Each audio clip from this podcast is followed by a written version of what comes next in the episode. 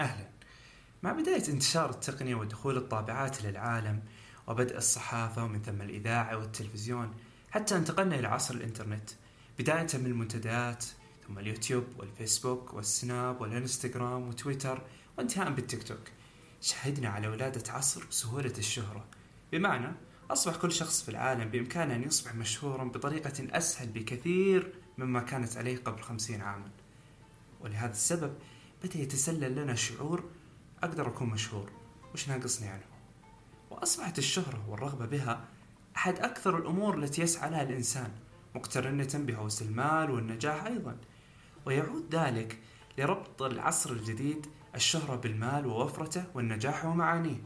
فأصبح المشهور ذا مال وأصبحت الشهرة تعني رغم اختلافي مع هذا المعنى أن هذا الشخص ناجح. وأنا هنا أدافع عن فكرة لا يجب أن تكون مشهورا لكي تصبح ناجحا. أو بالأصح الشهرة ليست الأساس للمتعة والنجاح في أي أمر تقوم به. وسأحاول جاهدا في هذه الحلقة أن أوضح لك ما قيمة أن تستمتع بالأشياء أكثر من سعيك أن تكون سبب شهرة لك. أو بالأصح كيف يمكن أن تصنع شيء دون التفكير بالشهرة وما تجلب في طريقها من مغريات ظاهرة ومتعبات باطنة؟ الشهرة لا تعني النجاح بالضرورة. هذه القاعدة الذهبية التي يجب وضعها نصب عينيك عند الحديث عن فلان المشهور في أي مجال. كون هذا الشخص في المجال الفلاني يعتبر أشهرهم فلا يعني بالضرورة أنه أفضلهم. وكتدرج الأمر فلا يعني لزوم الشهرة للنجاح. على العكس تماما هناك معايير مختلفة للوصول للشهرة. أولا الشهرة أحيانا تأتي للمرء دون رغبة بها. ويعود سبب عدم الرغبة بها لأسباب كثيرة منها شخصية الشخص أو عدم ثقته فيما يقدم فيصبح على عاتقه وهج الشهرة والرغبة في إتقان العمل. ولأن من ويلات الشهرة الغير معروفة للناس الطلب الدائم بالاستمرارية والتقدم من الجمهور للشخص فهذا يعيق من جاءت له فجأة عن التطور. فإما أن ينهار أو يستمر بذات النهج الذي سيذبل مع تقدم الوقت ويسحب منه بساط الشهرة أو ربما تحصل معه المعجزة ويستطيع أن يربط بين الشهرة وبين عمله وينتج عمل جيد. أو في حالات نادرة يكون غير راغب بها إلا أنه قد وصل مرحلة جيدة بالاحتراف في المجال فما كانت الشهرة إلا قطعة الكرز فوق الكعكة. تكريما لعلمه وعمله الدؤوب طوال تلك السنوات. كمثال لهذا النوع شاعر هاوي أصبح مشهورا صدفة رغم عدم رغبته. فإما أن يستمر بنفس الكتابة الشعرية لحظة شهرته المفاجئة أو يكون من النوع الثاني ويكون هاوي قد كتب العديد من القصائد حبيسة الأدراج وجاءت الشهرة لتخرجها من الدرج وتكافئ عليها. اختصارا لهذه القاعدة لدينا شخصان ناجحان. شخص ناجح مستعد للشهرة. فإن حلت عليه إنما تكون تكريم له ويكون مستعد للتعامل معها. فيقدم روائع ويقدم أعمال ناجحة كثيرة. شخص آخر هو ناجح أيضا لأنه غير مستعد لها. فسترحل عنه ربما أو ستستمر معه ويكون غير قادر على مجالدتها فحتى إن رحلت عنه فستعود له حتى ولو بعد وقت طويل جدا. والسبب في ذلك أن شخص ناجح بإمكانه أن يقدم أعمال ناجحة. فالشخص الناجح إن وصلت له الشهرة حتى وإن لم يكن يريدها فبإمكانه أن يقدم أشياء جيدة. لأن النجاح هو الأولوية هنا ليست الشهرة الأولوية وهنا يأتي الفرق. حينما يكون النجاح هو الأولوية للشخص وتأتيه الشهرة فهي غير مهمة له. يهمه أن ينجح في هذا الشيء الذي هو يقدمه. هنا ننتقل للنوع الآخر الساعون للشهرة كمقياس للنجاح. آفة العصر وعلتها ومرضها الأعظم من المصائب تعظيم أمر الشهرة وربطها بالنجاح والمجد الشخصي وهذا خطأ ومصيبة فكرية. الشهرة أحدى ملذات النفس التي ما إن تتملكك فتقضي عليك. والشهرة أبوابها واسعة. بإمكانك أن تكون مشهور جدا بسبب فعل نبيل وأيضا يمكنك أن تكون مشهورا جدا بسبب فعل رذيل وكلا الشخصان مشهوران. هل الشهرة نافعة للثاني كما نفعت الأول؟ بالمجمل الشهرة ليست هي هدف السعي الأساسي وإنما الاستمتاع بالعمل ثم النجاح فيه. أما السعي للشهرة لتوصلك للمتعة والنجاح فهذا ربط خاطئ جدا. والأمثلة كثيرة. تجد هناك من جرب التمثيل. والغناء والرسم والشعر وكل مجال حتى يصبح مشهور. وهذا سعي غير مبارك وليس له أي احترام أبدا. طريق الشهرة النافعة يكون موهبة أو هواية فممارسة فشغف فنجاح فابتكار فشهرة مستحقة.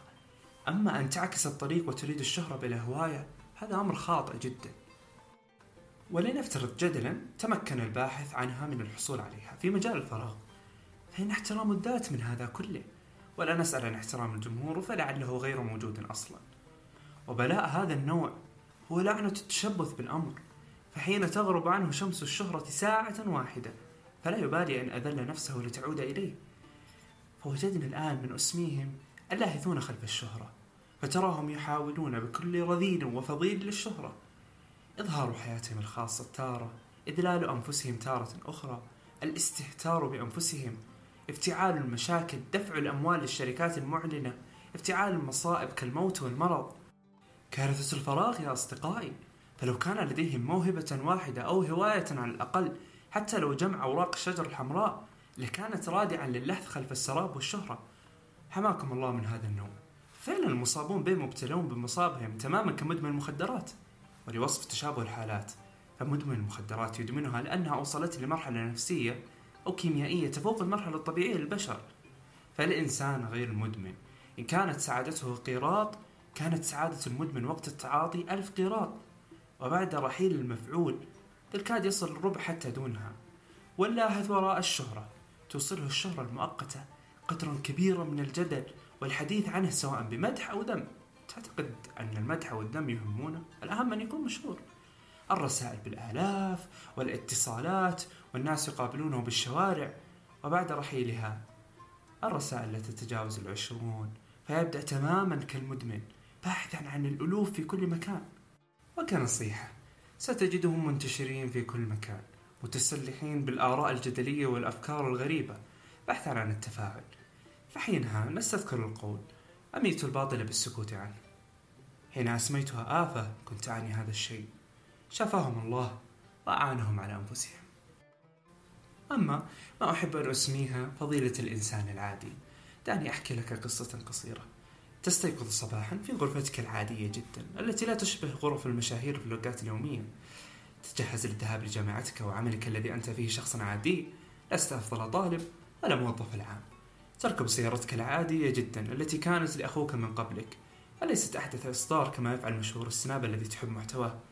تصل للجامعة بصدد دخول اختبارك الذي تجاهلت فيه الفصل الأخير وكانت أعصابك عادية جدا على عكس صديقك الذي ذاكر المراجع والمحاضرات والتسجيلات. تعود وتستمتع بعد العمل بوجبتك العادية التي من صنع يديك. صحيح تفتقد لكثير من مكونات الطباخ الذي تشاهده في الانستغرام ولكنها وجبة عادية لذيذة. تبدأ بلعب لعبتك الإلكترونية المفضلة التي حصلت فيها على خمس انتصارات من أصل خمسة عشر مرة لعبت فيها. على عكس اللاعب الذي تتابع باليوتيوب الذي يحقق خمسة عشر انتصار من خمسة عشر انتصار. نمط حياة مألوف وعادي أليس كذلك؟ نعم عادي جدا. ومن قال أنه سيء؟ هل تذكر حديثنا بالبداية عمن جاءته الشهرة دون رغبة وتورط بها؟ وحديثا عن من يركض خلفها ولم تدر له ظهرها. بين هذا وذاك نقف نحن. العاديون جدا. الذي لا نبحث عن مجد ولا شهرة. حتى ولو نشرنا للناس ما نحب أن نصنع فرغبتنا بالمشاركة أحيانا لا تعدو على رغبتنا أن يرد علينا صديق مفضل متابع جديد نصيحة أو حتى دعابة. لسنا ملتزمين بعدد اجتماعات لا حصر لها أو تنمر في التعليقات للفعل الذي صنعناه للجمهور ولكن لم يلقى استحسانهم. إلغاء المتابعة لا يشكل لنا أي فارق أبدا. ولم نبحث عنه أصلا. نفرح جدا بصديق لك صار مشهور. إلا أنك لا تريد منه إلا هدية المعلن الذي يعلن لديه. ولا تريد أن تكون مكانه تكون المشجع الأول لمن حولك. تستمتع باللعب مع أصدقائك وسجال الانتصارات بينك وبين صديقك. الخروج متى ما شئت وقول رأيك في أي وقت دون الخوف من سيل المتابعين. تستمتع بما هو في مجالك وما هو في غيره دون أن تسمع أن تمثل خلك بالتمثيل وما هو على غرارها. أن تكون عاديا أن تستمتع بكل شيء. ولا تركض خلف أي شيء. أن تكون المشاهد الذي متى ما أراد رحل ولا تكون الممثل الملتزم بالمئة عرض لثلاث ساعات وإن أردت رفضه قاضوك بالعقد. تفرح بخروج مبكر من عملك أكثر من لذة المشهور حين يصل لحد دول أوروبا. أحيانا أن تكون عاديا خير لك ألف مرة من أن تكون غير عادي. ختاما الشهرة سلاح ذو حدين. فإما أن ينفع صاحبه الذي كان أهلا له أو يضره ويهينه إن لم يكن يستحقها. تبحث عنها. ولا يغريك الحديث عن كم هي ممتعة. فإنما هي من أسرع الأشياء زوالا ومن أكثر المزايا عرضة لتدمير الإنسان. عش كما تحب. إن كنت موهوبا وتريد النجاح فاعمل واستمر واسعى ولن ينسى الله لك ذلك وستكافئ على ما تصنع عاجلا أم آجلا سواء بالتقدير أو الشهرة. أما إن لم يكن لك ما تقدمه فلا تبحث عنها أبدا. لا مجال لاكتشاف النفس في معمعة الشهرة. كن عاديا وادعم الموهوبين من حولك. استمتع بالحياة بكل تفاصيلها. فيها أشياء كثيرة تستطيع أن تستمتع بها وأنت عادي. لا تصدق الربط بين العادي والقليل والدني بالأشياء فعادي مستمتع سعيد يملك نفسه خير بمليار مرة. من غير عادي يسعى لرضا العادي عنه ليرضى عن نفسه. شكرا لكم.